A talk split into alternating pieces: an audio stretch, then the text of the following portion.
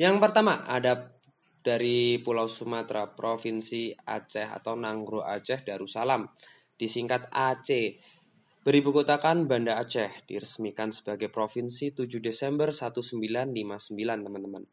Terus populasi proyeksi di dari BPS tahun 2022 ada 5 juta 371 532 jiwa.